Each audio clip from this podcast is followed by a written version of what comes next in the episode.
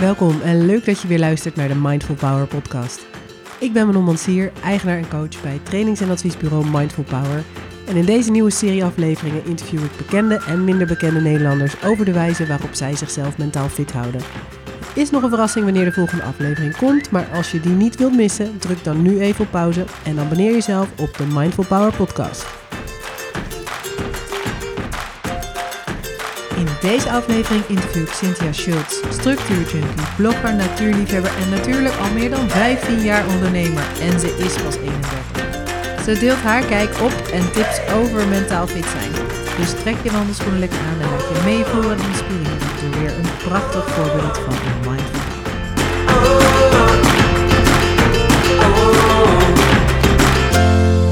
Nou, hey, hele goede morgen, Cynthia Schultz. Welkom in de Mindful Power podcast. Ja, goedemorgen. Ehm, Leuk. Goedemorgen. Eh even kijken, jij zit eh, op dit moment in Zwolle, denk ik. Ja, thuis. Ja. Ja. Helemaal goed, ik zit ook thuis, weer in Delft-Gouw. Eh, zoals inmiddels wel bekend is, neem ik dit op afstand op. Voor de corona hoeven we dat niet meer te doen. Maar ehm, qua planning kwam dat eigenlijk heel goed uit. Ja. Misschien kennen jullie Cynthia wel als structuurjunkie. Staat daar onbekend. Eh, ze kan daar zo meteen zelf denk ik het beste nog wat over vertellen. Eh, maar mijn eerste vraag is eigenlijk... ehm, Cynthia, ben jij iemand die bewust tijd besteedt aan mentale fitheid? Ja. ja, dat doe ik zeker. Ehm, ik ben daar elke dag mee bezig. eh, in de vorm van dat ik... Ik ben altijd heel bewust van wat er in mijn hoofd gebeurt. Ehm, en daar sta ik elke dag bij stil. Ik ben niet elke dag ermee echt aan het trainen. Maar ik ben er wel elke dag mee bezig. Dus ja, 100% Ja. Superleuk. Nou, gaan we zo meteen even verder op in, want ik ben heel benieuwd wanneer dat moment is ontstaan of dat je er misschien mee bent geboren.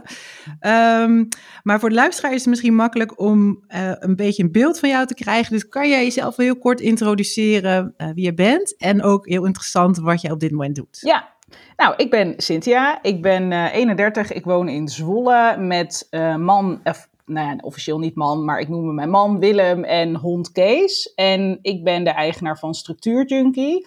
En ehm, ik ben ook blogger al sinds mijn zestiende. Ik blog eh, praktisch elke dag. Heb ik heel lang gedaan eh, als Miss Lipgloss. Misschien kennen sommige mensen dat nog wel. Ik heb heel lang een beautyblog gehad. Zo is mijn bedrijf ook ooit begonnen. Zo ben ik begonnen met eh, ondernemen toen ik op de school van de journalistiek zat in Zwolle. En ehm, inmiddels eh, blog ik nog steeds onder mijn eigen naam, cynthia.nl. En doe ik dus Structuurjunkie. En eh Structuurjunkie is een bedrijf waarmee ik mensen help naar meer structuur, meer overzicht, minder chaos en minder stress. En meer tijd eh, voor zichzelf. En dat doe ik met planners. Dus ik heb een hele lijn met papieren planners, met notitieboeken. Ik heb een boek geschreven vorig jaar, Goed Werk. En ik geef online trainingen zoals mijn plantraining. Ik heb een membership met meer dan duizend leden. Eh, dus ik, en ik geef ook veel in-company trainingen. Dat begint nu weer een beetje aan te trekken. Dat is echt superleuk. Dus eh, ik doe op allerlei manieren eh, doe ik, eh, van alles om mensen te helpen naar meer structuur. En dat, ehm, ja, dat vind ik ontzettend leuk om te doen. Dat ik zelf merk wat voor verschil dat maakt als je structuur in je leven hebt. En als alles goed gepland is en als je daar bewust mee bezig bent.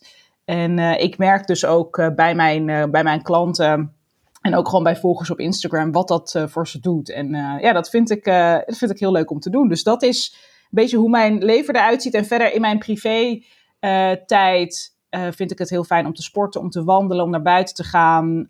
We gaan graag naar Terschelling. Dat is een beetje onze vaste vakantieplek waar we elk jaar een paar keer heen gaan. En ehm, ja, hou heel erg van, van, van eten, van koken, van met eten bezig zijn. Waterverven heb ik sinds kort ontdekt. Dat is, in, dat is ook een nieuwe hobby. Dus dat is een beetje om je een idee te geven van hoe, eh, hoe mijn leven eruit ziet. Ja, top. Maar dat is best volledig. En Ja. ik denk dat dat dus heel goed aansluit bij de luisteraar van de Mindful Power podcast. Eh, en dat het heel interessant is om te horen wat jij ze kan vertellen over hoe jij met mentale fitheid omgaat, maar ook jouw manier van organiseren en plannen en hoe mensen dat helpt. Ik denk super interessant.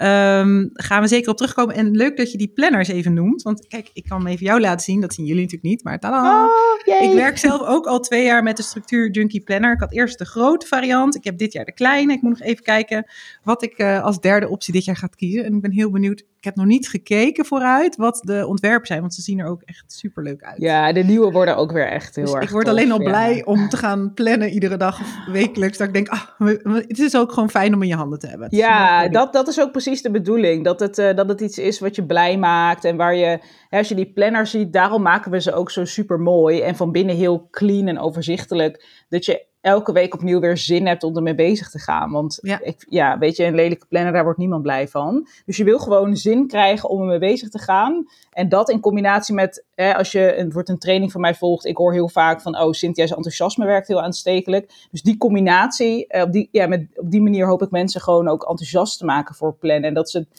ze het leuk vinden, want het mag vooral gewoon heel leuk zijn. Ja, nou zeker. Daar ben ik het Ja. helemaal eens. Leuk, daar, daar komen we zeker, eh, zeker op terug.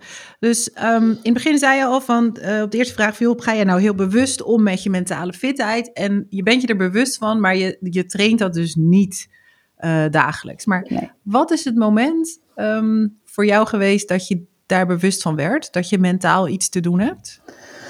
Nou, dat begon denk ik tijdens mijn burn-out. Ah, ik denk al wel eerder hoor, dat ik wel eens momenten had dat ik...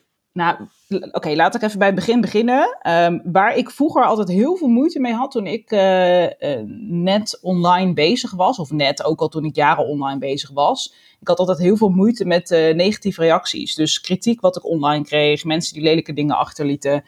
En toen had ik al wel vaker zoiets van, ik moet, ik moet hier iets mee. Als in, ik, ik moet hier zelf beter mee dealen. Want die reacties, eh, die zullen blijven. Weet je, hoe, hoe meer ik zichtbaar ben, hoe meer rotreacties ik eh, krijg. En hoe ging je daar in eerste instantie dan mee om? Nou ja, niet zo, niet zo goed.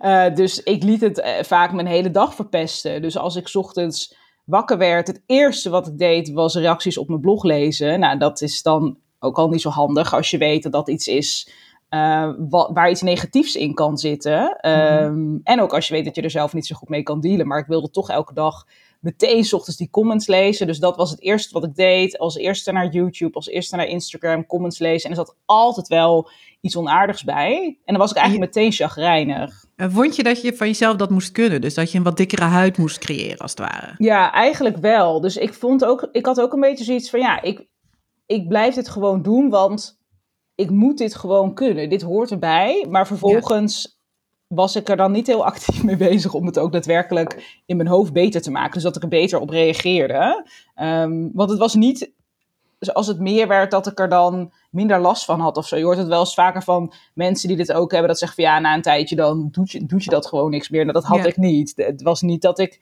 door de jaren heen daaraan ging wennen of zo. Je kiest er dus voor om, om die bekendheid te hebben. Of Ja. hè, je, je zendt van alles, je vindt van alles. Of eh, je, je spreekt dat uit. En heel veel mensen kunnen daar dus ook wat van vinden. Dus Ja. moet je, moest je van jezelf daarmee omgaan. Ja. Ja, ik had zoiets van, ik, ik moet gewoon elke dag die comments kunnen openen en gewoon kunnen denken, tja, fuck it, maakt niet uit wat mensen denken. Maar ik realiseerde me ook wel dat die, dus er zijn wel bijvoorbeeld YouTubers en bloggers die dat zeggen, van oh, het maakt me niks uit en fuck it wat mensen denken. Maar ik heb daar, ik heb daar door de jaren heen ook wel boeken over gelezen van, eh, hoe werkt dat dan? Hè? De, de, de reactie van anderen of de mening van anderen, wat maakt dat nou daadwerkelijk uit? Maar het is ook vrij, ehm, ja, bijna psychopathisch als je zegt: het maakt me helemaal niks uit wat andere mensen denken. Dus ik ging eigenlijk, ik wilde naar de andere kant. Dus ik wilde helemaal het andere uiterste van. Ik wil gewoon dat het me niks uitmaakt. Ik wil gewoon kunnen denken: fuck it, ik doe precies wat ik wil en het maakt me niet uit. Maar dat was natuurlijk niet heel realistisch. Dus dat Mhm. gat was enorm. Maar ik ontdekte later ook, eh, dat was echt nog een heel stuk later, dat was na mijn burn-out, toen ik gesprek had ook met een therapeut. Die zei ook van dat, dat het je niks kan schelen. En dat je echt zoiets hebt van fuck, het maakt niet uit wat mensen denken. Dat is gewoon niet iets, dat is ook niet iets wat je wil. Hij zei, dat is helemaal niet iets waar jij een beter persoon van wordt. Of waar jouw werk beter van wordt. Het is, het is goed om iets te vinden, iets te voelen bij wat mensen over je zeggen. Alleen zou het heel erg helpen als het niet meer zoveel invloed heeft op je dag en op je gemoedstoestand. Ehm, en dat was wat ik toen langzaamaan een beetje ging realiseren van... oké, waarschijnlijk gaat het me nooit helemaal lukken om helemaal te denken, fuck it. En dat is ook, dat is ook oké. En Uh, alleen op dat moment wist ik nog niet zo goed hoe ik daar dan mee om moest gaan. Hoe ik dat dan moest gaan fixen, dat het me minder beïnvloedde. Ja. Ja, dat is wat we denk ik tegenwoordig um, met mindfulness ook wel proberen te bereiken. Hè? Dus dat Ja. dingen er wel zijn en dat je ze moet waarnemen en dat je ook mag voelen dat het iets met je doet. Ja, Uh, maar dat je je ook moet realiseren dat wat je er vervolgens meedoet en welke actie het bij jou oproept, dat je dat in de hand hebt. precies. En dat Ja. dat wel een keuze is. Ja, nou ja, En dat sluit niet uit dat het, dat het binnenkomt en dat het kan raken. En dat je denkt van, oeh, weet je, dit, is- dit was even niet zo leuk om te lezen of te horen. Ja, Maar wel van, oké, moet ik er iets mee? Weet je, moet ik dit, moet ik iets, moet ik bij mezelf kijken? Moet ik iets veranderen? Ja. Of moet ik, is het van de ander en kan ik het laten? ja, precies. Ja, want wat ik ook nog wel eens deed, is dan, of dan maakte ik me er heel druk om, gewoon in mijn hoofd, en dat het heel veel invloed had op mijn dag, en hoe ik me voelde, en hoe ik mijn dag invulde, en mijn productiviteit. Eh, maar er waren ook vaak momenten dat ik er dan mee aan de haal ging. Dus dat ik er dan dingen over ging posten op Instagram, of dat ik erop ging reageren. En dat het een heel, dan werd het een hele fitty, zeg maar. Eh, en dan, dan gaf ik het zoveel aandacht. En er gingen zoveel mensen daar weer op reageren, dat ik er vervolgens echt letterlijk een halve dag mee bezig kon zijn. En nou ja, dat, dat, doe ik, dat doe ik eigenlijk nooit meer. Dat, eh, dat heb ik echt afgeleerd, omdat ik merk hoeveel rust het geeft als je dat niet doet. En als ik nu. Ik krijg natuurlijk nog steeds wel eens negatieve reactie, want dat hoort ook bij, eh, bij online zichtbaarheid. Ehm, en nog steeds denk ik dan soms wel van, oh, ja, dat, of het doet pijn inderdaad, dat het me echt raakt. Dat gebeurt niet zo heel vaak meer. En soms dan denk ik, ja, oké, dit is niet zo leuk. Maar nou ja, dan, dan, dan doe ik er vervolgens gewoon niks mee. Dan laat ik het even en dan ga ik wat anders doen. Of ik voel het juist echt even van, oké, wat gebeurt er nu eigenlijk? En waarom vind ik dit vervelend dat deze persoon dit zegt? Nou, meestal laat ik het gewoon gaan. En als ik er dan zelf geen aandacht meer aan besteed, dan verdwijnt het vanzelf. Ja, je realiseert je dus heel goed dat alles dus wat je aandacht geeft, Ja, dat wordt groter, Ja. dat groeit. enorm. Dus dat je daar echt bewust ook af en toe een keuze in maakt van, oké, dit moet ik loslaten of ja, ik moet er niet Ja. in blijven hangen. Ja, en, door. en ik heb heel erg geleerd om daar meer de regie in te nemen. Dat ik vroeger, Mhm. vroeger dacht ik altijd, als je online zichtbaar bent, dan moet je overal commentaar eh, open hebben staan. Dus mensen moeten overal kunnen reageren. Dus ik had op mijn blog had ik een reactiemogelijkheid op YouTube, op Instagram. En ik had natuurlijk nog mijn mail. Eh, en dat, ik vond dat dat, dat dat belangrijk was. Dus hè, die interactie, dat moest en mensen moeten kunnen reageren. En toen heb ik, eh, volgens mij is dat anderhalf jaar geleden, toen heb ik eerst op Instagram een tijdje mijn comments uitgezet. Van weet je, ik ga gewoon die, reacties uitzetten. En gewoon eens kijken wat er dan gebeurt. Want ik merkte toch dat het me bezig hield. En dat als er dan een negatieve reactie was. Kijk, het was niet dat ik daar dan de hele dag mee bezig was. Maar het is iets wat toch even energie kost. Omdat het, hè, het is iets negatiefs. Je denkt er even over na. Dus je bent er toch mee bezig. En op mijn blog heb ik dat toen ook gedaan. Heb ik de reactie, reactiemogelijkheid uitgezet. En dat was ook wel voor mij een eye-opener. Dat ik dat zelf mocht kiezen. Dus ik heb Mhm. altijd gedacht, nee, maar het hoort op een bepaalde manier. En andere bloggers en andere influencers doen het op een bepaalde manier. Dus moet ik dat ook doen. En toen, toen dacht ik dus al, weet je, fuck it. Ik ga het gewoon proberen. Ik ga het uitzetten, kijken wat er gebeurt. En er gebeurde eigenlijk niks. Als in, ik kreeg niet minder bezoekers, niet minder likes. Hè, in, in, in hoeverre dat belangrijk is. Eh, er gebeurde niks, behalve dat ik gewoon... dat het mij minder tijd en energie kostte. En inmiddels heb ik op mijn Instagram wel weer de comments aan. Dus op mijn Cynthia.nl Instagram. En als iemand gewoon heel lelijk doet, dan blokkeer ik die persoon. En ik heb zoiets, ja, dit is ook gewoon mijn grens. Ik, ge ik geef aan wat ik wel en niet tolereer. En als je over die grens heen gaat, nou, dan moet je weg. En een discussie voeren kan wel, maar het ligt, voor mij zit het een beetje in, het, in, in de mate van respect die iemand wel of niet voor je heeft. En dat uit in een comment. Nou, en ik ben daar, daar ben ik wel makkelijker in geworden. Zo van, luister, dit, dit, is, dit, is mijn, zeg maar, dit is mijn huis, dit zijn mijn regels. Uh, nou, als dat je niet aanstaat, dan is daar het gat van de deur. En ik merk dat dat voor mij heel goed werkt. Ja, nou, ik vind het een supermooi voorbeeld. Hè? Dus je noemt en uh, het feit dat je dus experimenteert met van... hey, hoe kan ik eigenlijk mijn eigen grenzen stellen? Ja. En uh, doe ik dat op social media? Of, en, en op een gegeven moment draai je het weer terug... omdat je denkt van, nou, weet je, ik wil die interactie weer wel... en toch blijf je je grenzen bewaken. Dus dat is ook super leerzaam dat ja. je dit zo inbrengt. Ja. En heel waardevol, denk ik, om uh, voor iedereen eigenlijk om gewoon eens te experimenteren met die informatie die iedere dag op je afkomt. Hè? Want Ja. er komt zoveel informatie ongewenst op je af. En hoeveel heb je daadwerkelijk nodig? Nou ja, dat is het exact. En eh, daarin mag je zelf je grenzen aangeven. En ik heb heel erg gemerkt dat het mij een gevoel van, ehm, ja, gevoel van regie geeft. Dat ik mag bepalen, weet je, het zijn mijn kanalen, het is, het is, mijn, het is mijn bedrijf, het zijn mijn regels. En het is prima als jij het er niet mee eens bent, of als de buurvrouw het er niet mee eens is, maar dan, dan ben je gewoon niet onderdeel van, van mijn wereld online. En dat is ook oké, weet je, je kan het gewoon wegklikken en dan ben ik er niet meer. Eh, dus in jouw beleving ben ik er dan niet meer. Eh, en, en denk, ja, dat is hoe het voor mij werkt en hoe het, denk ik, voor veel meer mensen goed zou werken. Want je, je mag daarin kijken wat werkt voor jou. En je hoeft niet de regels te volgen van hoe het gaat of hoe het hoort bij anderen of bij andere bedrijven of bij andere mensen.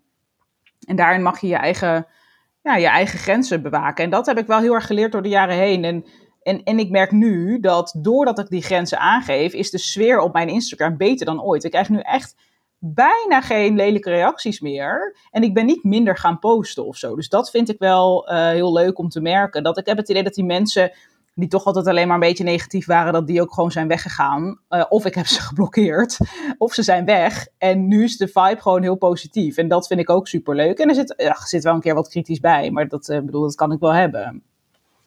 Ja, leuk. En dit gaat eigenlijk vooral om mensen die wat verder weg van je staan. Hè? Ja. Dus die jou echt als bedrijf of als bekende Nederlander inmiddels volgen en uh, interessant vinden of inspirerend. Maar hoe is dat voor de mensen die dichter bij jou uh, staan? Want uh, je geeft aan dat je in het begin dus um, veel meer wilde voldoen aan een bepaald beeld wat jij Ja. had van hoe je het zou moeten doen.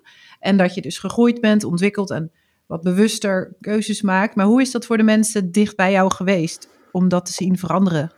Uh, ik denk heel fijn, want ik ben er uh, veel lekkerder door in mijn vel gaan zitten. Dus mijn mentale gezondheid is er veel beter van geworden. Uh, dus ik denk dat ze het heel fijn vinden en vonden om dat te zien.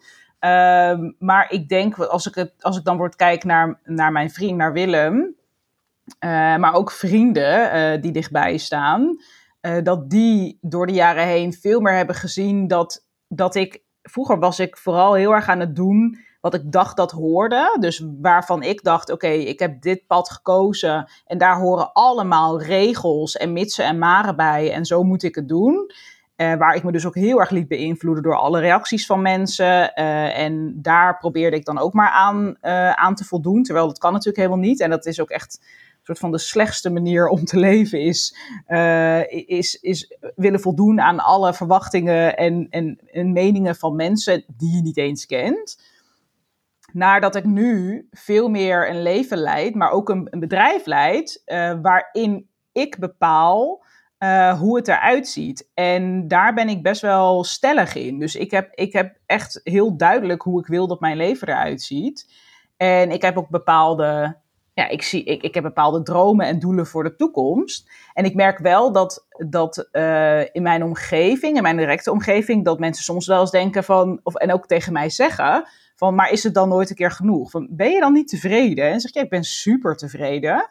Maar ik heb gewoon allemaal toffe dingen die ik wil doen. Denk, het leven is, is hartstikke kort. Weet je, je kan volgend, letterlijk volgende week dood zijn of horen dat je, dat je ziek bent. En zo geldt het ook voor je naaste. Denk, ik wil nou, niet alles eruit halen wat erin zit, maar wel heel veel eruit halen van wat erin zit.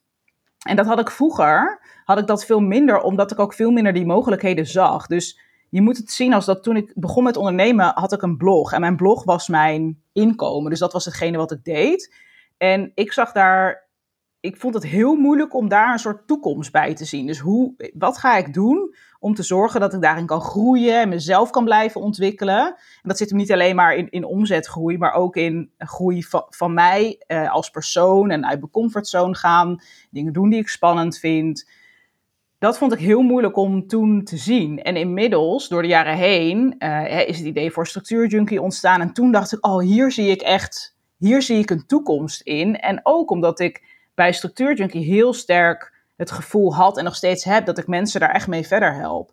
En dat het echt een diepere, ja, een soort van diepere missie heeft, naast dat het iets is wat ik elke dag doe en wat mijn werk is en waar ik mijn geld mee verdien. Had je dat minder bij Miss Lipgloss? Dat dat dicht bij je stond en dat je mensen daarmee kon helpen? Ja, uh, ik vond het heel leuk om te doen. Kijk, ik, ik begon met Miss Lipgloss toen ik 16 was. En toen ik 18 uh, was, werd het... Zeg ik dat goed? Toen ik, ja, toen ik 18 was, werd het echt mijn werk. Dus werd het echt mijn bedrijf. Um, en ik vond het super leuk om te doen. Maar ik merkte na een paar jaar wel dat um, het werd voor mij toch een beetje oppervlakkig. Niet dat ik, ik. Kijk, ik had wel heel erg het gevoel dat ik mensen verder hielp. En ik kreeg heel veel mailtjes van mensen die zeiden: Oh, door jou ben ik, ben ik dit anders gaan doen. En heb ik dit gedaan. En is mijn leven een stuk beter geworden. Dat soort, dat soort berichtjes kreeg ik wel. Maar het ging in de basis natuurlijk over make-up. Hmm. En het ging over nieuwe mascara's en dan testte ik weer dit en dat vond ik super leuk. Maar na een tijdje dacht ik wel, ja, is dit nou wat ik, wat ik altijd wil doen? En niks ten nadele van mensen die dat wel doen.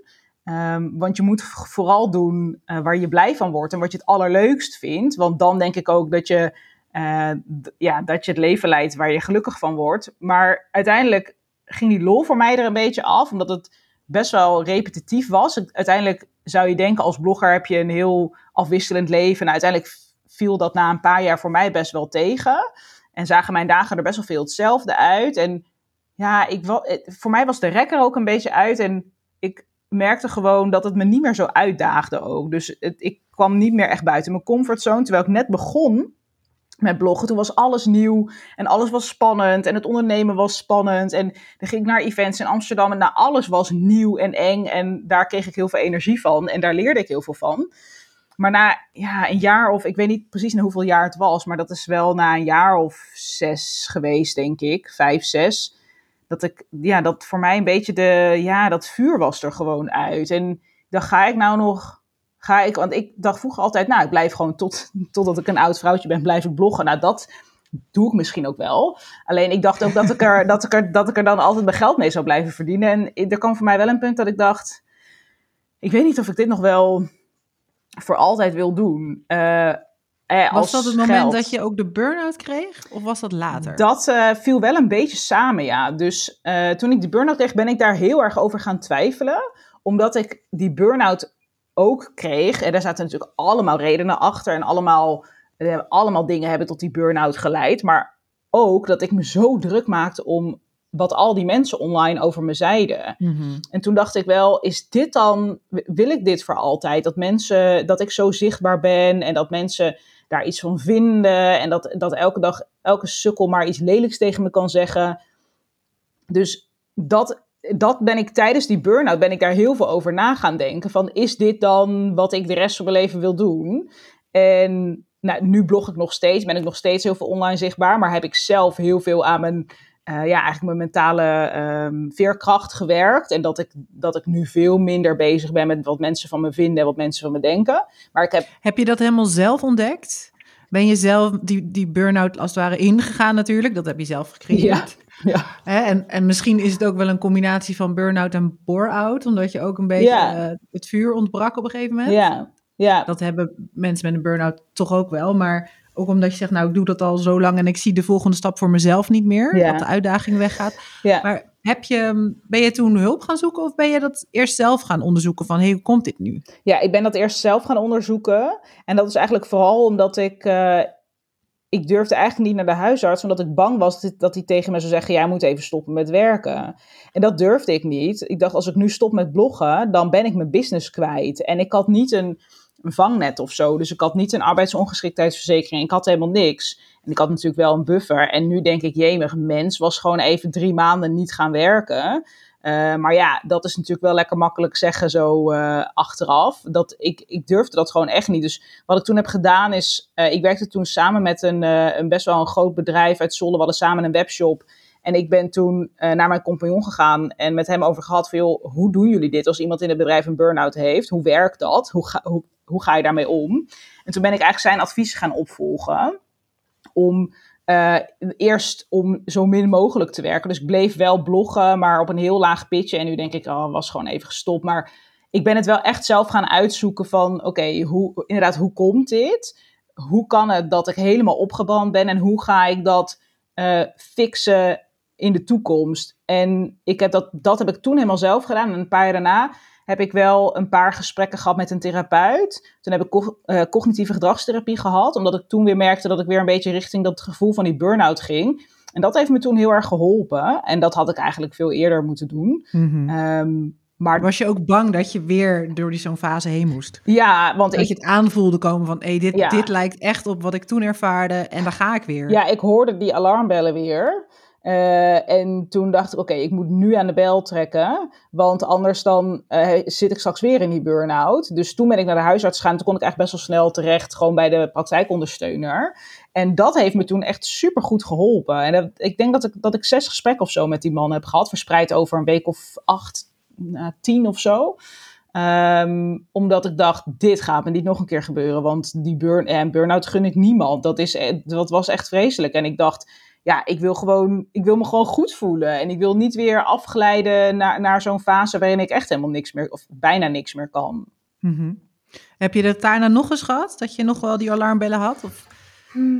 Nou, nee. Um, dat heb ik een, een periode gehad dat ik af en toe zo'n moment had van, oh wacht, ik moet nu aan de rem trekken, anders dan gaat het niet goed. Eigenlijk heb ik dat uh, heb ik dat sindsdien niet meer gehad. En dat komt ook omdat ik er zelf nu veel beter op let. Dus gewoon al in mijn, gewoon in mijn werkweek. Als ik al merk dat ik, uh, nou had ik een paar weken geleden, of eigenlijk begin van dit jaar, dus niet, nou ja, dat is tien, tien weken geleden, een paar weken geleden.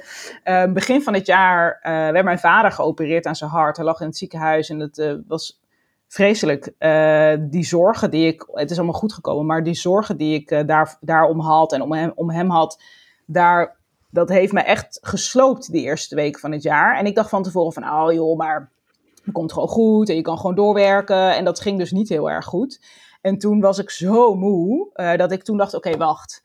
Weet je, wat de aanleiding ook is, ik moet echt even wat tijd voor mezelf nemen en rustig aan. Want als ik nu doordruk, dan weet ik dat ik over een paar weken dat ik echt even niks kan. Um, terwijl ik toen ook dacht, dan krijg ik ook weer een soort van schuldgevoel van ja, ik heb in december nog vakantie gehad en uh, hoezo ben ik nou zo moe? Terwijl, denk, ja, als dat is wat je voelt en als ik die vermoeidheidssignalen opmerk en ik merk dat als ik naar mijn week kijk en ik moet bijna huilen, denk ik, oké, wacht, dit gaat niet helemaal lekker. Um, nee, dus... dit zijn niet de positieve vibes die je uit je eigen planner zou moeten krijgen, toch? Nee, dat je naar je planning kijkt zodat je wil huilen. Denk, oh, wacht. Dus inmiddels heb ik heel erg geleerd om dat op te pikken. Vroeger had ik gedacht, nou, kom op, niet zo zeuren. Je bent een ondernemer, gewoon Nog een paar maanden, heb je weer vakantie. Precies, nog even door. En je, ja, precies. Vakantie staat wel weer om de hoek ergens over een paar maanden. En dat heb ik echt afgeleerd. Om, natuurlijk is, er zit een verschil tussen jezelf pushen als het even nodig is. En jezelf uh, pushen terwijl je weet dat je rust nodig hebt. En dat is soms best wel lastig uh, te onderscheiden. Maar in dit geval dacht ik echt, oké, okay, even. Ook al heb je net vakantie gehad, je bent nu gewoon moe, opgebrand door al die emoties van de afgelopen weken. Pak even die rust. En ik, wat is er ook voor schande aan om even die rust te nemen? Um, en ook, ik heb dan dus nog die gesprekken in mijn hoofd van, ah, nou, de, je kan ook gewoon even doorgaan, kom op, je kan ook gewoon even een middagje vrij nemen en dan weer door. Uh, en dat, dat heb ik echt geleerd om daarop te letten, op zulke signalen. Um, als, en als mijn week te vol is en ik denk op vrijdagmiddag van, oh man, nou dat heb ik weer overleefd dat is niet goed. Tenminste, voor, me, voor mij, ik denk voor de meeste mensen is dat niet goed, maar voor, voor mij is dat echt een signaal dat ik even, uh, even een tandje terug moet. En daar, ik heb echt geleerd om daar super goed op te letten. Ja, en zijn dat um, um, dagelijkse momenten die je ervoor plant of waarvan je uh, weet van oké, dan, dan word ik me bewust van wat ik voel en wat ik nodig heb? Of is dat vooral zo'n vrijdagmiddagmoment dat je denkt van oh, ik voel eigenlijk nog energie om het weekend in te gaan. En niet om alleen het weekend te gebruiken om bij te komen, zodat ik maandag weer kan. Ja, dat is, dat is bij mij wel. Die vrijdagmiddag is altijd wel echt zo'n eikmoment. Dat ik inderdaad terugkijk en dan ook kijk van... hey, heb ik mijn planning gehaald of zijn er dingen blijven liggen? Dat zie ik natuurlijk eerder in de week al. Maar op vrijdagmiddag is het dan echt het... Voor mij is dat het echt het eind van de werkweek. Maar ik heb eigenlijk elke dag wel, als ik ga wandelen met Kees, dat doe ik altijd s ochtends en natuurlijk s middags ook Kees nog een keer. Kees was de hond, hè, Kees is de hond, ja. Dat ja. Is, ja Willem is de, de vriend en Kees is de hond. uh, haal ze niet door elkaar. Um, als ik met Kees ga wandelen, dan heb ik ook, dan voel ik altijd wel even bewust van, oké, hoe, hè, hoe, hoe zit ik in mijn, in mijn vel en hoe zit ik in mijn hoofd en hoe gaat het vandaag? En als ik me dan een beetje opgejaagd voel, dan weet ik van, oh, oké, wacht, ik moet heel even naar die planning kijken, want dan, dan, is er, dan is er iets. En dan kan het zijn dat het te veel is, of dat ik, uh, dat ik te veel afspraken heb ingepland. Dat kan ook, daar hou ik niet zo van als ik een dag vol met afspraken heb. En weet je, ik doe dat zelf. En ik denk dat voor veel mensen zo is. Heel veel situaties in ons leven creëren we zelf.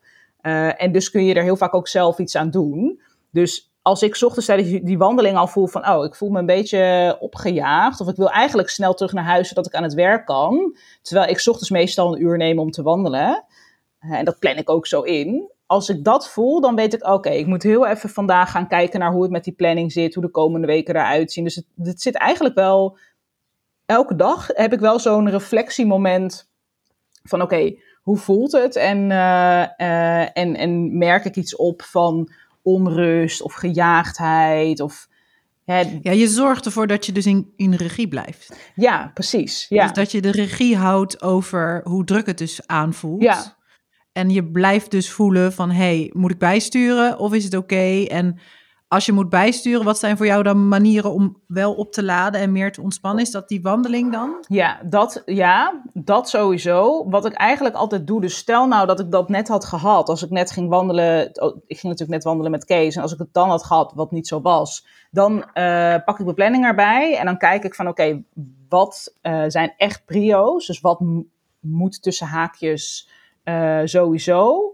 En wat zijn dingen die verzet kunnen worden of die uh, gewoon waar een streep doorheen kan? Um, dan pak ik mijn planning erbij en dan ga ik daarna kijken. En als het dan nodig is, verzet ik wat afspraken. En dit gebeurt niet vaak hoor. Ik, ik hou daar natuurlijk helemaal niet van om afspraken te verzetten. Want dat, dat gaat helemaal tegen mijn gevoel in van ah, afspraken zijn heilig. En ze komen ook weer terug. Uiteindelijk moet het dan een andere keer. Ja. ja, dus het, het moet uiteindelijk toch. Uh, dus ik check dat altijd van kan er iets weg of kan ik ergens hulp bij vragen. Uh, ik ben heel goed in hulp vragen, dus uh, hè, aan mijn team, maar ook aan naasten, aan familie. dus ik kijk dan kan ik ergens hulp bij vragen, kan ik zorgen dat iets makkelijker wordt, dat iets minder tijd kost. Dus dat, dat zijn eigenlijk dan wel concrete acties die ik dan doe om te zorgen dat, dat, dat mijn agenda gewoon, dat mijn planning wat, wat losser en wat ruimer wordt.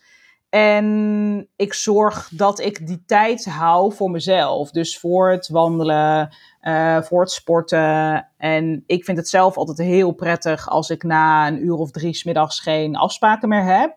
En meestal, omdat ik s ochtends heel vroeg begin met werken, ben ik meestal rond een uur of drie smiddags klaar. En ik vind het ook heel fijn als dat ook daadwerkelijk zo is. Dus daar let ik dan op dat ik einde van de middag rustig kan afschakelen en kan doen waar ik zin in heb. En of dat nou een boek lezen in de zon nu in deze tijd is, of uh, dat ik ga waterverven of Netflixen, dat maakt dan niet zoveel uit. Maar dat ik zorg dat ik die ruimte heb om gewoon te doen waar ik zin in heb, dat vind ik heel belangrijk. En nu we het dan over die planning van jou hebben, plan je dan ook andersom? Dus plan jij eerst de dingen in die je als het ware nodig hebt om in balans te blijven, of waar je van oplaat, of dingen die je gewoon leuk vindt of belangrijk, sporten of ja. de buitenlucht zijn. Plan jij die eerst? Ja. En kijk je dan wat er overblijft om afspraken te maken? Ja, exact. Ja, dus uh, dat is echt ook wat ik aan iedereen vertel die vraagt: oké, hoe maak ik een goede planning? Begin met jezelf. Dus hè, natuurlijk staan er, uh, voor de meeste mensen staan er al afspraken. Volgende week staan er ook al wat dingen. Uh, en dan ga ik eerst uh, inderdaad het wandelen met Kees in de ochtend, het sporten. Dat, dat plan ik als eerste in. pauzes, lunchmomenten. Maar ook als ik bijvoorbeeld al een tijdje niet heb, heb geverfd. Ik word dus, mijn hoofd gaat helemaal leeg als ik ga verven. Dus ik wil dat graag doen. Dan plan ik dat in ergens aan het einde van de middag. Dus ik blok gewoon momenten. Zodat ik het niet helemaal vol. Want uh, ik denk dat anders, als, je, als ik dat niet doe, dan plan ik alles voor. Dan denk ik, oh ja, nu moet ik nog ergens tijd voor mezelf zien te vinden. Nou ja, dat zie ik dan in de week zelf wel. En dan gebeurt het dus niet, want die tijd is er niet, want het is helemaal volgepland. Dus ik plan altijd eerst de tijd voor mezelf. En daaromheen gaan alle tussenhaakjes, verplichtingen, werkdingen, afspraken. En als het vol is, is het vol. En um, kijk, jij bent zelf ondernemer, dus je Ja. bepaalt grotendeels uh, hoe je eigen agenda eruit ziet. Ja. Uh, als je bijvoorbeeld in loondienst werkt, is dat uh, meestal wat minder. Heb je in ieder geval minder ruimte om het helemaal zelf te bepalen. Ja. Um, werk jij uh, efficiënter, waardoor je gewoon misschien wat minder uren kan werken? Of heb jij je leven en je werk meer door elkaar lopen in je agenda, waardoor je uiteindelijk misschien net zoveel uren werkt? Nee, ik werk wel minder dan de meeste mensen die in loondienst werken. Uh, gemiddeld is dat tussen de 20 en de 30 uur uh, in de week.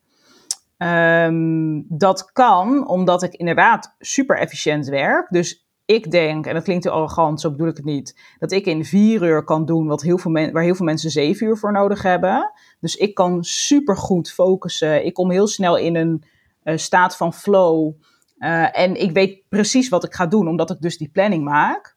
En daarnaast heb ik hulp hè, van een team. Want ik doe niet alles alleen. Ik heb uh, een, een, team van tien mensen die me helpen bij alles wat met structuurjunkie en met mijn blog te maken heeft. Dus heel veel dingen besteed ik uit. Dus dat helpt, dat ik niet alles zelf hoef te doen. Als, als ik alles zelf moest doen, dan zou ik, nou ja, dubbele of driedubbele werk, werken. Want ja, ik besteed echt veel uit. En zij doen ook nog eens dingen waar ik niet zo heel goed in ben. Dus het kost allemaal veel meer tijd. Dus het is die combinatie van uh, super efficiënt werken, precies weten wat me te doen staat en het kunnen uitbesteden aan een team. Dat zorgt ervoor dat het kan. En een bedrijf opgebouwd, um, wat dus op zo'n manier werkt dat ik er niet elke week 40 uur of meer aan hoef te besteden. Want dat, vroeger had ik dat wel, toen ik mijn blog had, toen deed ik alles zelf.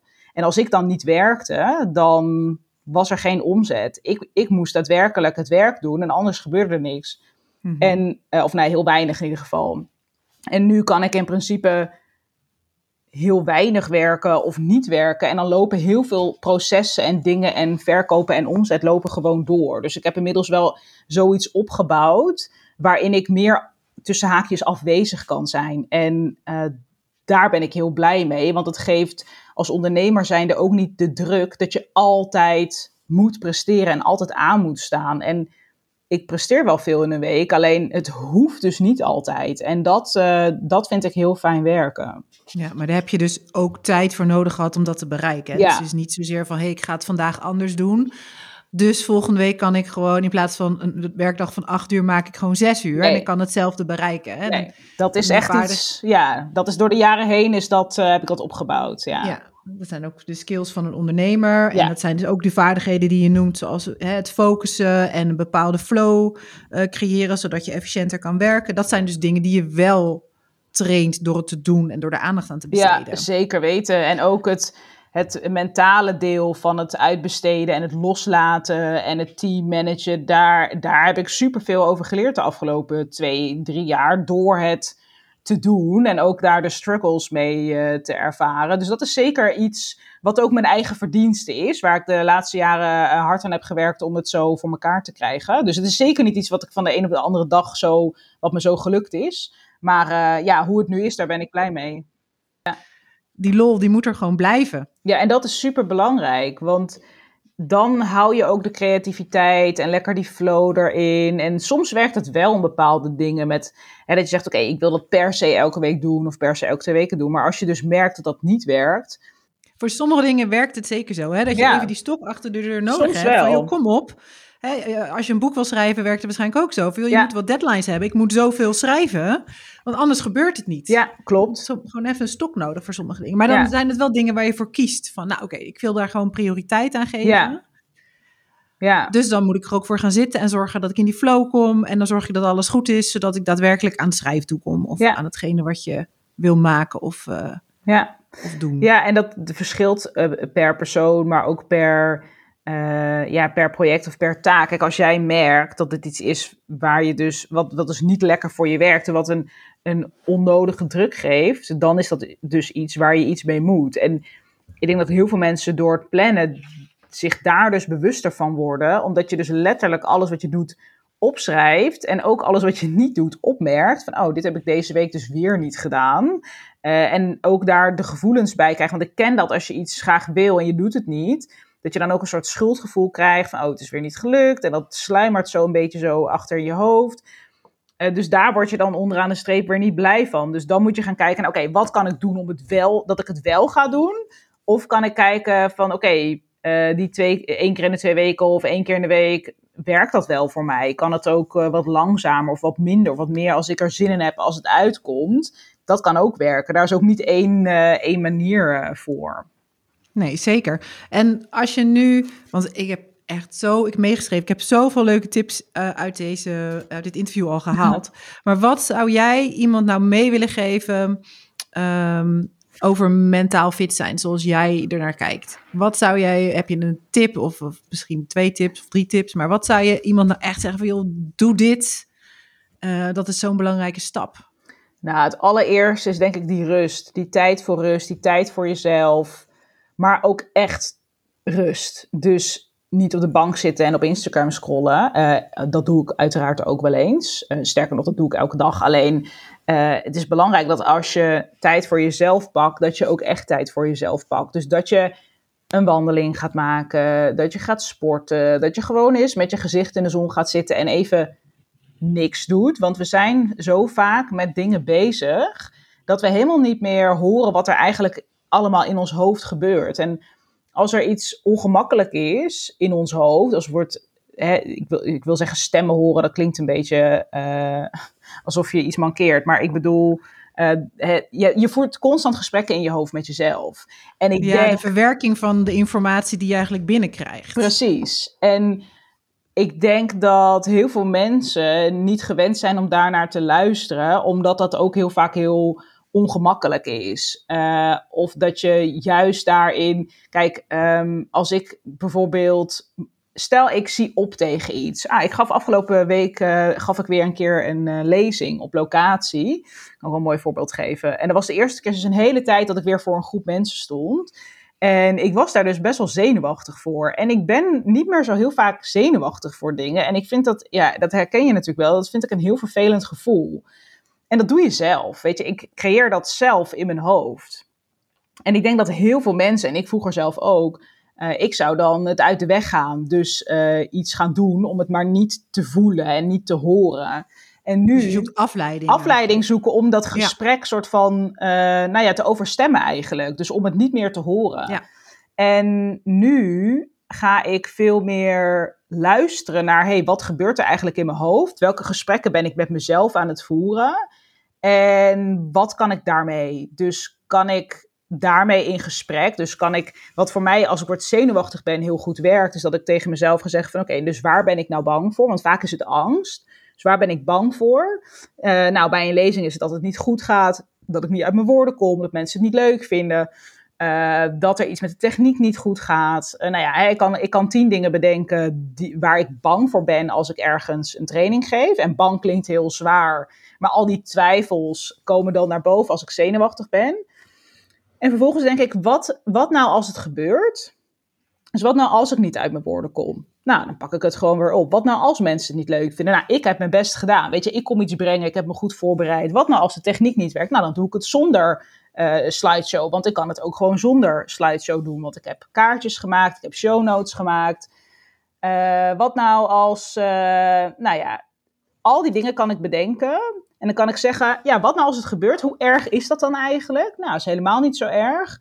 Maar ook, nou ja, dat zenuwachtige gevoel is oké. Laat het er ook maar zijn. Maar ik merk dan als ik het gesprek met mezelf aanga, dat, ik, dat het dan minder wordt. Dus dat als ik het er even laat zijn en ik ga er even over nadenken of opschrijven van waar ben ik nou bang voor en wat nou als dat gebeurt? Hoe erg is dat dan eigenlijk? Meestal, 9 van de 10 keer is het niet zo erg. Soms is het wel erg, zoals wat ik vertelde met mijn vader, die in het ziekenhuis lag. Het ergste wat er kon gebeuren was dat hij dood zou gaan. Dat was mhm. natuurlijk iets vreselijks. En daar kon ik, scenario, dat kon ik niet relativeren, want dat was gewoon letterlijk wat het was. En dat zou verschrikkelijk zijn. En dan denk ik ook, ja, dan kan ik er ook, dan is, dan... Daar moet je niet te lang bij stilstaan. En dan heb je die afleiding even nodig. Precies, dat is een hele andere situatie, denk ik. Want dan is, ja, dat, dat is gewoon letterlijk een, een vreselijke worst case scenario. In dit geval, met de meeste dingen in het leven, gelukkig, ik klop hem even af. Met de meeste dingen in het leven is het niet zo dramatisch. Dan is het, oké, nou ja, dan eh, als ik, als ik mijn tekst vergeet, of als mensen het niet leuk vinden, nou ja, gaat, gaat er dan iemand dood? Is er dan echt iets ergs aan de hand? Nee. Dus ik probeer dat soort gesprekken altijd op te merken. En er gewoon even mee te gaan zitten en het niet de hele tijd uit de weg te gaan. En dat is soms best wel oncomfortabel. Uh, maar meestal helpt het me verder op het moment zelf. Dus dat is eigenlijk het eerste wat ik wil meegeven. Merk die stem in je hoofd eens wat vaker op. En merk dat gesprek wat je voert met jezelf, merk het eens op. En, alleen en ga er ook eigenlijk mee in gesprek. Hè? Dit is ja. een, een vaardigheid, ik hoor je er een, meerdere noemen. Uh, self-talk wordt dat in de psychologie genoemd. Ja. Ehm, dat je dus jezelf ook rustig kan praten, als het ware. Ja. Van, hey, kom op, het is misschien spannend, maar worst case scenario sta je daar met wat meer zweet op je voorhoofd dan de bedoeling is. Ja, of precies. Uh, valt je kaartje uit je hand en moet je het oprapen en dan is er even een onderbreking. Daar kom ik echt wel uit. Precies, exact. Dus een soort relativering ja. uh, naar jezelf toe en een soort van rust Ja. creëren daarmee. Ja, Een leuke techniek. En, en daarin eigenlijk praten tegen jezelf alsof je je eigen beste vriendin bent.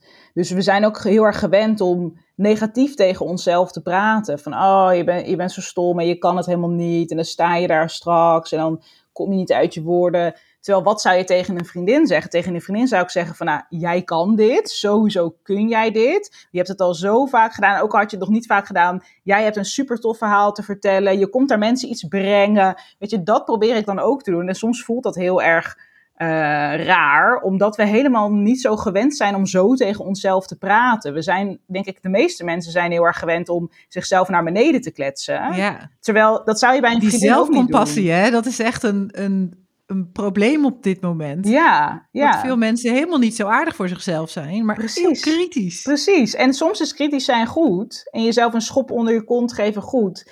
Maar ik denk op dit soort momenten, en ik denk op de meeste momenten, kun je beter lief tegen jezelf zijn. Ik bedoel, als ik 's ochtends in de spiegel kijk, en dat is ook echt zo'n vrouwending, denk ik. En als ik dan te- in de spiegel kijk en denk, nou jemig, jij ziet er ook uit vandaag. Terwijl als ik tegen mezelf zeg van, nou, je ziet er top uit, het wordt een goede dag, ik heb er zin in, ik heb energie. Dat is toch een veel lekkerder begin. Ik bedoel, stel je voor dat een, dat een vriendin dat tegen je zou zeggen van, nou, jij komt ook lekker uit je bed vandaag. En dat is waar ik bewust mee om wil gaan, is hoe ik tegen mezelf praat. En uh, ja, dat, dat helpt. Want ik, ik merk echt dat het voor, me, voor hoe ik me voel, dat het echt verschil maakt hoe ik tegen mezelf klets in mijn hoofd. Ja, en als, je dan weer, als we dan weer helemaal teruggaan naar het begin, van hoe jouw zelfbeeld was, of hoe je naar jezelf keek aan het begin dat jij een bekend persoon werd en dat jouw bedrijf begon te groeien en succesvol werd. Is dat dan een wereld van het verschil? Hoe jij als mens ja. uh, voor jezelf bent eigenlijk? Ja, dat denk ik wel. Want toen, en daar zit ook een deel, het, dat ik, ik wilde heel erg die bevestiging van buitenaf. Dus ik wilde dat, dat andere mensen tegen mij zeiden ja, je doet het goed en je bent lekker bezig. En uh, nou, hè, alle dingen die ik wilde horen. Uh, dat had ik heel erg van buitenaf nodig, omdat ik het denk ik van mezelf niet kreeg. Ik was zelf altijd op zoek naar bevestiging. En als iemand me dan die bevestiging niet gaf, dan werd ik boos. Of gekwetst of gefrustreerd. Terwijl nu ben ik veel meer, um, ben ik veel meer zeker van mezelf en wat ik doe. En natuurlijk twijfel ik ook nog wel eens. En heb ik ook wel eens een mindere dag. Maar meestal denk ik van yes, ik ben lekker bezig en ik voel me goed. En ik doe de, de, ik doe de dingen waarvan ik denk dat ze goed zijn. En waarvan ik voel dat ze goed zijn.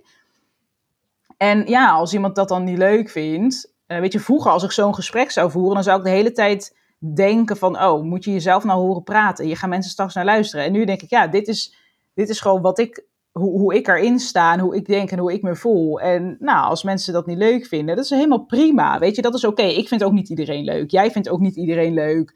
En dat is, dat is oké. Dus ik, ik denk dat dat heel erg veranderd is. En dat ik daardoor ook veel meer kan denken van, ja, weet je, ik doe waarvan ik denk dat het het beste is. En ik vind het altijd heel fijn om dingen te komen brengen. Dus ik denk dat ik heel veel breng uh, en heel veel geef. En als mensen dat dan niet leuk vinden, nou, dan is, dan is dat prima. Ja, ik heb liever dat je me wel leuk vindt. Ik bedoel, laten we Ja. wel wezen. Dat Willen is we ook- allemaal? Ja, het liefst wil ik dat iedereen me leuk vindt. Maar dat Ja. is niet hoe het gaat. Nee, dat is niet hoe het werkt. En wat kan jij mensen, want we hebben nu zo, we hebben volgens mij zijn we al meer dan drie kwartier hierover aan het praten, maar Ja. wat zou jij mensen nog ehm, eh, kunnen leren? Weet je, wel, heb je, ehm, komt er nog een training? Is er nog een workshop die mensen kunnen volgen over dat plannen? Of, Ja, goeie. Ja, hier ben ik dus altijd over na aan het denken. Eh, want eh, ja, ik heb zoveel wat ik wil delen met mensen. Eh, en het komt dan heel vaak uit op dingen die met structuur en plannen te maken hebben. Maar het mooie is dat dat heel vaak dat, dat, dat heel veel dingen hebben met structuur en planning te maken. Dus ik ben ja, dus een vertrekpunt van waar van alles weer uit voortkomt. Ja, want je kan natuurlijk dan heel erg blijven hangen in het productief zijn en tijdmanagement en hoe vul je werkdag in. Alleen ik vind het interessant om het veel breder te bekijken. Dus uh, hè, ook die tijd voor jezelf. Ik denk dat heel veel tijdmanagement uh, boeken en, en trainingen, die hebben het daar helemaal niet over. Het gaat vooral over hoe kun je zoveel mogelijk doen in zo min mogelijk tijd. En dat is, dat is niet mijn uh, kijk op productiviteit. Dus ik kijk veel meer naar het hele plaatje. En ik ben nu bijvoorbeeld bezig voor mijn, uh, voor mijn membership. Daar komt elke acht weken komt daar een nieuwe workshop in. En uh, ik ben dus nu aan het nadenken over een workshop die in juni of juli live gaat. En ik bedenk dus elke keer een nieuw thema. En er staan er nu iets van 13 online. Dus het zijn er al best wel veel. Dus ik moet steeds dieper graven van oké, wat ga ik nu uh, vertellen? En ik denk dat ik een training of over rust, of over slaap, of over een combinatie daarvan ga maken. Um, omdat dat de basis is van alles. En dat merk ik steeds meer hoe verder ik ook in, uh, in mijn bedrijf kom, maar ook in het plannen en hoe meer vragen ik krijg van mensen, merk ik dat er heel veel terugkomt op rust en slaap. En als dat niet in orde is, dan gaan heel veel dingen in je dag toch wat minder lekker of ze gaan helemaal niet lekker. Dus ik denk dat de volgende workshop over rust of slaap of een van de twee gaat, omdat ik merk dat veel mensen daarmee struggelen, maar zichzelf ook niet de ruimte ervoor geven. Dus mensen willen dan wel meer rust of meer slaap, maar ze, ze zeggen ja, maar ze veranderen niks. Ze doen niks, omdat ze, nou, dat kan natuurlijk van alles onder liggen. Meestal zeggen ze ja, geen tijd, maar ik denk, nou, het is vaak geen prioriteit. En uh, dat vind of ik interessant. ze worden s'avonds weer wakker. Ik bedoel, ken ook mensen die dan om negen uur echt moe worden en dan niet naar bed gaan, ja. maar dan opblijven van ja, negen uur, weet je, de avond is nog lang ja. en ik vind het zonde van mijn tijd om naar bed te gaan. Ja. Wie gaat er om negen uur nou naar bed? Ja, ik. Ja, Ik ja, ik elke dag. Ja, oh, ik ga elke dag om negen uur naar bed. Ja. Oh ja, je hebt echt dat ritme om negen uur s'avonds erin? Ja, eigenlijk wel. Ja, en uh, half zes gaat de wekker. Oh ja, en, dat is ook vroeger denk ik dan de meeste Precies, mensen. dus ik ga vroeger naar bed en ik ga er ook vroeger uit. Uh, maar die vraag krijg ik ook heel vaak hoor, van mensen van, uh, ja, maar vind je dat dan niet zonde van je avond? Dan denk ik, ja, nee, uh, nee, want ik kies ervoor om een goede nachtrust te hebben. En mijn dag begint vroeg. Kijk, ik zou natuurlijk ook later kunnen opstaan, maar ik vind vroeg opstaan heel erg lekker. Ja, ik hou van de lekker. ochtend. Dus, ik eigenlijk ja. ook, hè. Maar weet je wat wij... Je zit natuurlijk... Ik heb, ik heb een gezin en een, ook, ook gewoon een man en kinderen erbij. Maar dan ga je toch alles op elkaar afstemmen. Ja. En dan merk je gewoon dat je dan een ritme zoekt wat voor iedereen werkt. Terwijl ja. ik weet van mezelf, eigenlijk zou ik best wat eerder naar bed moeten. Want daar, daar, ik heb gewoon slaap echt nodig. Ja. En wat eerder eruit zou heerlijk zijn. Want dat ochtendmoment ja. vind ik echt fantastisch. Dat de rest van de wereld gewoon nog rustig dat is. is dat ik gewoon heerlijk productief kan zijn en al gewoon dingen gedaan kan hebben voordat de rest van de wereld denkt van, oh, er is alweer een nieuwe dag. Ja, en dat is echt, dat is heerlijk. En ik heb ja. er toevallig net afgelopen week een blog over geschreven. Uh, omdat ik daar altijd vragen over krijg. Wat jij net zegt, van dat je eigenlijk je wil gaan afstemmen op elkaar. Uh, en ik en mijn vriend doen dat dus helemaal niet. Dus ik ga om negen uur naar bed en ik ga er om half zes uit. En hij gaat rond elf uur, twaalf uur naar bed en hij gaat er om half negen s ochtends uit. Uh, dus wij hebben echt hele andere ritmes. Maar we hebben gewoon besloten, na, ook na een aantal jaar daarmee kijken van hey, hoe kunnen we het nou dichter bij elkaar brengen. En dat werkt dus niet dus, voor ons. Het is wel leuk hè, dat je dus weet inmiddels dat je daarvoor kan kiezen. Terwijl je woont in hetzelfde huis. Hè? Je zit niet in een andere tijdzone. Waar, nee. hè, je woont in een andere tijdzone, want je woont niet bij elkaar. Dus je hebt een tijdsverschil. Maar je kiest er dus voor om in een ander ritme te gaan. Ja, ja, daar hebben we heel bewust voor gekozen. Als in, hij heeft van nature zijn ritme en ik heb van nature mijn ritme. En we hebben er heel bewust voor gekozen om dat zo naast elkaar te laten bestaan. En dat we dus inderdaad de avonden, de, de avonden vanaf 9 uur en de ochtenden, die besteden we dus helemaal alleen. En dat vinden we eigenlijk ook heel fijn, hebben we ontdekt. Dat we die tijd voor onszelf heel fijn vinden. Dat we even ons eigen ding kunnen doen. En we hebben het door de jaren heen geprobeerd. Dat hij dan wel eens zei van, oké, okay, nee, morgenochtend dan ga ik met jou mee ontbijten. En dan gaan we samen de hond het laten. En dan zat hij aan het ontbijt. Oh, de, ja, dan zag je er ook uit alsof hij door... Hij zat er niet nee, van te genieten. Nee, hij zag eruit alsof hij door een trein overreden was. En zo voelde hij zich ook. En dan denk ik, ja, ik dat... kon geen zinnig gesprek voeren. Het was ook helemaal niet leuk, waarschijnlijk. Nee, nee. en dat, bedoel, dat krijg je dan. En dan. Want hij floreert s ochtends niet. En ik floreer s'avonds niet. Dus dan...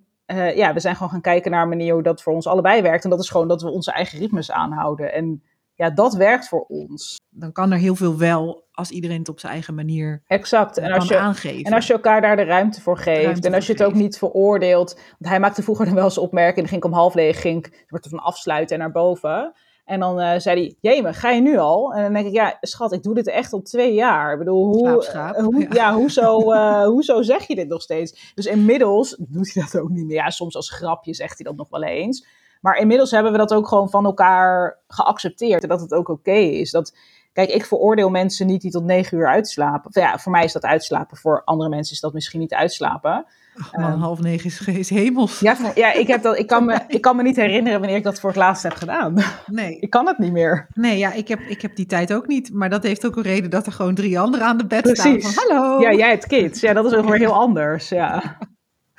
Dus daar heb je niet alle regie. Nee. Maar goed, daar, moet je, daar kan je ook handig mee omgaan. Maar dat is heel iets anders. Ja. We kwamen hier op volgens mij door die workshop die je wil gaan opnemen over rust, Rust. en slaap. Ja. En dat is dan nummer 13 of zo in de serie. Ja. En ik hoorde je ook iets zeggen over membership. Dus als mensen Ja. member zijn van Structuur Junkie, dan hebben ze toegang tot alle workshops. ja, klopt. En dan komt er dus die van slaap, die komt er dan nog aan. Ja, klopt. Ja, dus dat is eh, als mensen naar structuurjunkie.nl slash membership gaan. Eh, dan kan je daar lid worden. Je kan voor 5 euro kun je twee weken uitproberen. En dan krijg je inderdaad toegang tot al die workshops. Dus er staan er nu, op het moment van dat wij nu dit gesprek hebben, staan er volgens mij 12 online. En dan komt er, nou, dan komen binnenkort komt dan de 13e en richting de zomer komt de 14e. Dus elke acht weken komt er een nieuwe workshop. En we hebben daar een community en er zijn live QA's. Dus eh, als eh, luisteraars dat interessant vinden, dan kunnen ze even kijken op structuurjunkie.nl slash membership. Ik zet hem wel even onder de aflevering. Ja. Dat werkt altijd wel makkelijk. Ja, nice. Helemaal goed. En ehm, ja, je bent nu te gast in de Mindful Power podcast. Wil jij de luisteraars, kan jij ze iets aanbieden? Zeker. Ja. Ja, ehm, wat ik heb bedacht is dat iedereen die luistert 15 euro korting krijgt op mijn plantraining. En ik noemde hem op het begin al even. Mijn plantraining is de meest populaire training die ik ooit gemaakt heb. Die is meer dan 3000 keer eh, verkocht. Dus meer dan 3000 cursisten. En in die training leer ik je stap voor stap hoe je je planner goed gebruikt. Dus eh, waarvan ik net al zei, hè, begin met jezelf. Begin met die tijd voor jezelf. Dat is daar onderdeel van.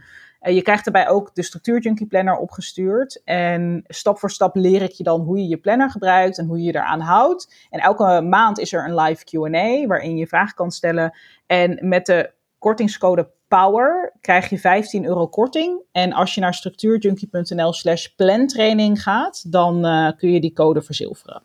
Ah, top. Nou, dat ga ik ook onderaan de aflevering zetten. Ja, Super, cool. super leuk dat je dat wil doen. Tuurlijk. Dan eh, maken we het leven voor iedereen weer een stukje makkelijker. Want dat is uiteindelijk wel waar het toe moet leiden. Dat Ja. het leven wat leuker, wat makkelijker en wat positiever mag zijn. Ja, 100%. En dat we ervan mogen genieten. En Ja. ehm, dat we elkaar daar een handje bij kunnen helpen. Dat mag duidelijk Ja, zijn. Naar zeker. aanleiding van deze aflevering. Ja, Hey, super bedankt voor jouw tijd en voor het delen van jouw verhaal en jouw ervaring met het bouwen en het werken ehm, eh, met mentale fitheid, maar ook jouw kijk op hoe je kan organiseren en plannen en hoe jou dat dus helpt om regie te houden eh, op je leven en wat de momenten dan ook voor jou waren om of de manier voor jou is om die regie te behouden. En ehm, nou ja, je hebt ook al heel wat verteld over hoe jij ook wel eens vastloopt en eh, waar je dan, ehm, hoe je er dan weer uit bent gekomen. Ja. Dus eh, ja, super fijn dat je, dat je dat wilde doen. graag gedaan. Ik ben heel blij met mijn uh, Structuur Junk Planner en ik ga er dus binnenkort weer eentje bestellen, want in een paar maanden dan is die op en dan moet ik weer een nieuwe. Oh, wat leuk. Dankjewel. Oké, dan doei. Heb je vragen over deze aflevering of wil je meer weten over Mindful Power? Ga dan naar mindfulpower.nl. Vind je het een leuke podcast en wil je mij helpen? Laat dan een korte review achter, zodat het aantal luisteraars blijft groeien. Jij alvast bedankt voor het luisteren en tot de volgende keer bij de Mindful Power podcast.